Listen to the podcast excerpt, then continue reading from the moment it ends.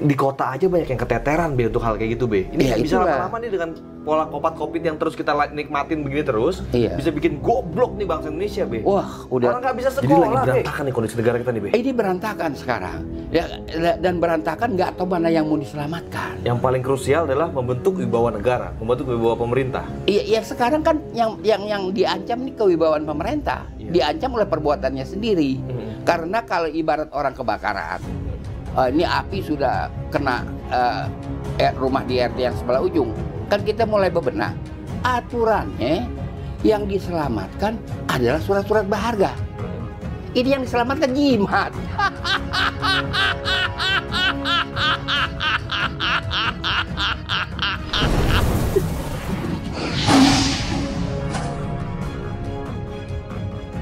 Ya, assalamualaikum warahmatullahi wabarakatuh teman-teman semua balik lagi bersama gue Faskur Semi di Macan Idealis.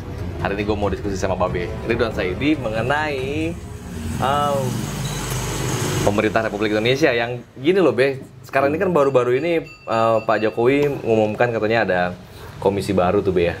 Oh. Komisi Kopat Covid. Sama komisi pemilihan pemulihan ekonomi katanya rencananya kan Be. Lalu katanya BIN juga sekarang di bawah koordinasi, koordinasi presiden langsung di bawah kursi presiden langsung. Dan ada lagi yang menarik juga mengenai lima jenderal polisi yang terlibat mengenai Joko Chandra itu loh, Be. Iya. Nah, tanggapan Babe mengenai hal ini kira-kira fenomena apa ini barang, Be? Begini kan sebenarnya apa yang hakiki yang sedang dihadapi oleh pemerintah sekarang? Iya. Apakah jawabnya membuat komisi komisi pemulihan ekonomi, Mm-mm. lalu komisi penanggulangan kopat kopit, Iya. eh, sementara gugut gugus tugas kopat kopit katanya bubar. Nah itu apa itu? Sekarang kita lihat ya, Eh, komisi pemulihan ekonomi orangnya pada itu itu juga, Mm-mm. ya kan? Eh, yang masuk eh, tambahan baru eh, tim pelaksananya yaitu Erick Thohir kan, Mm-mm. yang lainnya kan itu itu juga Iya. personel kabinet semua, Iya. ya kan. Iya. Kemudian eh, tim eh, komisi kopat kopit itu menurut saya ng- nggak nggak akan bisa punya perencanaan kalau kita tetap eh, bergantung kepada WHO. Mm-mm. Karena eh, WHO saban kali mengubah-ubah opsinya tentang kopat kopit. Mm-mm. Yang pertama dia bilang kopat kopit itu main di air, ya kan? Iya. Jadi eh, kalau kopat kopit itu kayak setan kuncung jalannya ngucruk-ngucruk begitu kan eh, setan kuncung begitu ya ngucruk ngucruk ngucruk eh tahu-tahu sekarang dia bilang kopat kopit punya sayap dia Iya. bisa terbang lewat Iya. udara Iya, masuk iya. Airborne ya. airborne Iya. nanti apa lagi Iya, jadi kalau nurutin eh, WHO nggak akan ada habis-habisnya Iya, iya. jadi tidak akan eh, banyak artinya membubarkan gugus tugas lalu bikin komisi kopat kopit itu nggak akan ada gunanya Apa sih maksudnya nih barang nih, Be? Nah, itu kan sebenarnya komisi-komisi ini adalah organisasi di dalam organisasi, Oke. ya kan? Oke. Eh, itu jadinya apa sih namanya eh, overbodig kata orang Belanda, overlap dalam bahasa Inggris ya kan? Mm. Eh, orangnya itu tuh juga, tugasnya itu tuh juga, Iya. ya kan? Iya. Dan ini dia tidak mengatasi masalah hakiki yang kita alami, yang kita hadapi. Mm. Sedang yang kita hadapi ini adalah melorotnya ekonomi. Mm-mm. Eh, Menteri BUMN menagih dengan menggesa, mendesak pemerintah agar segera melu- melunasi hutang pemerintah kepada Pertamina sebanyak 140 T. Eh, di samping eh, PLN 90 T. Tapi Erick Thohir kan mengatakan yang Pertamina itu mendesak kenapa? Mm. Kenapa harus? Menurut saya pemerintah wajib segera membayar karena kemungkinan ini masih ada kaitannya dengan BPM Batas Petroleum Maskapai. Lah kan itu eh, eh, Pertamina kan j- apa ya, bibitnya kan dari sini Mm-mm. dari BPM. Mm-mm. Perjanjian-perjanjian tahun 50. Oke. Kalau itu eh, yang eh, diributkan Erick Thohir adalah utang Pertamina, saya rasa ada kewajiban kita dengan BPM. Maka tidak mau tidak mau harus disediakan uang sebanyak itu. Oke. Itu. Iya. Jadi kita lihat Segitu urgent kah, Be? lah bagaimana nggak urgent, urgent kalau itu hak atau share BPM Oke. bagaimana? Oke. Ya kan? Oke. Dia minta dong. Dia pasti dia minta. Iya. Kan begitu. Iya. Uh, kemudian uh, kita lihat hal-hal yang lain yang dihadapi, ko itu di seluruh kabupaten di Inhu, Indragiri Hulu, itu kepala sekolah SMP mengundurkan diri. Wow. Iya. Ya. Kita lihat kemarin dirjen-dirjen di Departemen Kementerian Kesehatan mengundurkan diri. Ya. Kita tahu bahwa itu ada gantinya. Ya. Kepsek juga kan ada gantinya. Persoalannya bukan di situ. Hmm. Mengapa dirjen-dirjen uh, apa namanya itu Kemkes mengundurkan diri? Mengapa Kepsek di Inhu sekabupaten mengundurkan diri? Itu kan nggak mudah mencari gantinya. Tentu ada persoalan. Jadi persoalan ini yang harus diselesaikan apa? Persoalannya adalah wibawa.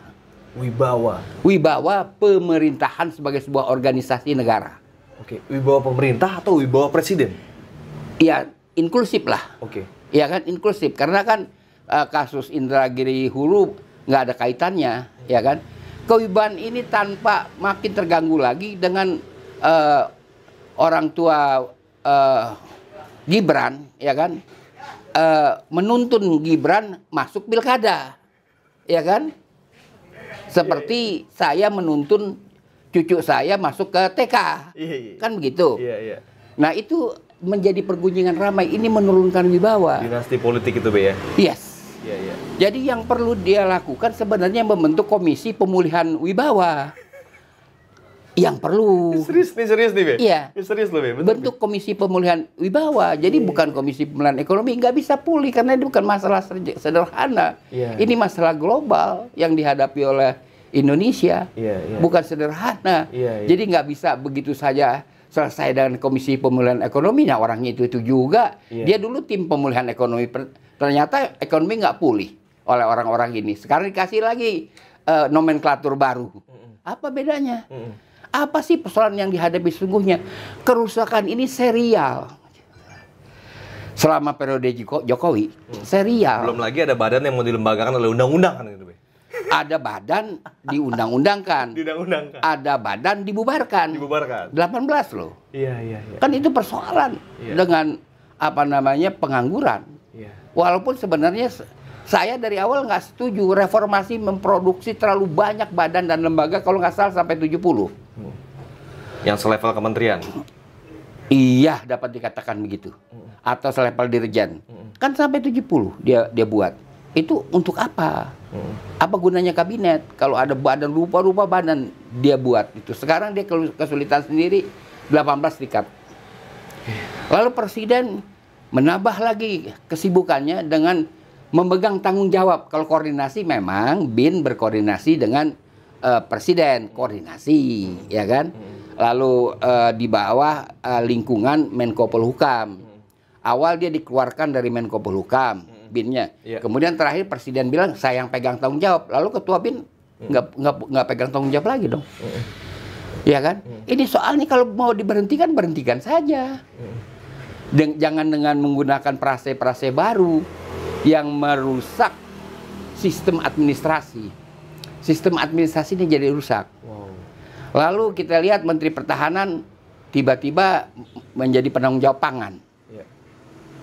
Itu kan uh, disiplin anggarannya jadi kacau.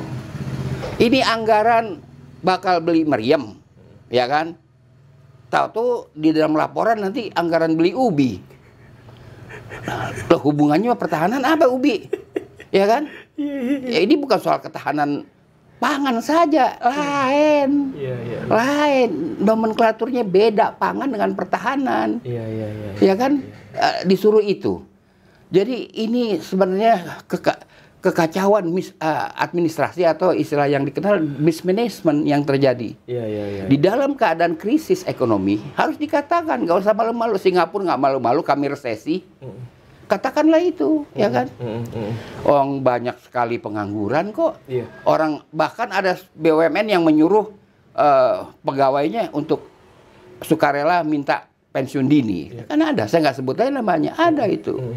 Nah kan, itu kan gini be ya, jadi memang di dunia salah satunya kebijakan pendidikan pun sekarang juga lagi orang lagi pada goyang ya sampai kepala sekolah kepala sekolah banyak yang mengundurkan diri kan iya, memang iya. berat loh be orang-orang di daerah tuh yang nggak punya handphone gimana mau menjalani kebijakan new normal ini kan di di pendidikan harus pakai zoom lah harus pakai model daring lah, apa online kita keluar sekolahnya. Iya. Anak-anak yang di kota aja banyak yang keteteran be untuk hal kayak gitu be. Ini Iya, bisa lama-lama nih dengan pola kopat kopit yang terus kita nikmatin begini terus, Iya. bisa bikin goblok nih bangsa Indonesia be. Wah, udah Orang nggak bisa sekolah be.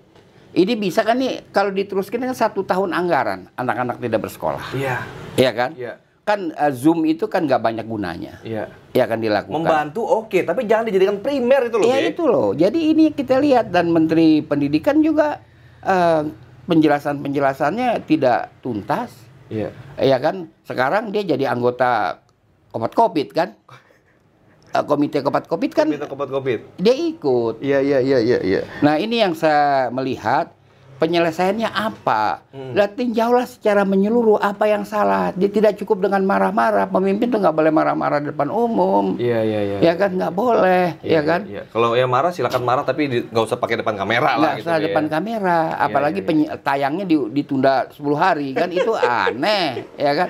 Jadi eh, lakukanlah apa tuh retrospeksi apa yang salah. Iya. Kenapa Dirjen Depkes mengundurkan diri? Diberitakan mereka banyak eh, tidak sependapat dengan Menteri Kesehatan Terawan, tapi saya nggak yakin. Hmm. Kamu udah hampir setahun kok baru sekarang berbeda pendapat. Ya kan persoalannya nggak ada anggaran. Orang duduk di meja, angguran dia keluar, dia bisa mengajar, memberi kuliah, dia bisa praktek. Iya iya. Jadi lagi berantakan nih kondisi negara kita nih be. Ini berantakan sekarang. Ya dan berantakan nggak tahu mana yang mau diselamatkan. Yang paling krusial adalah membentuk wibawa negara, membentuk wibawa pemerintah. Iya, ya sekarang kan yang yang yang diancam nih kewibawaan pemerintah, Iya. diancam oleh perbuatannya sendiri. Mm-mm. Karena kalau ibarat orang kebakaran, Mm-mm. eh, ini api sudah kena eh, eh, rumah di RT yang sebelah ujung, kan kita mulai bebenah. Aturannya yang diselamatkan adalah surat-surat berharga. Mm-mm. Ini yang diselamatkan jimat.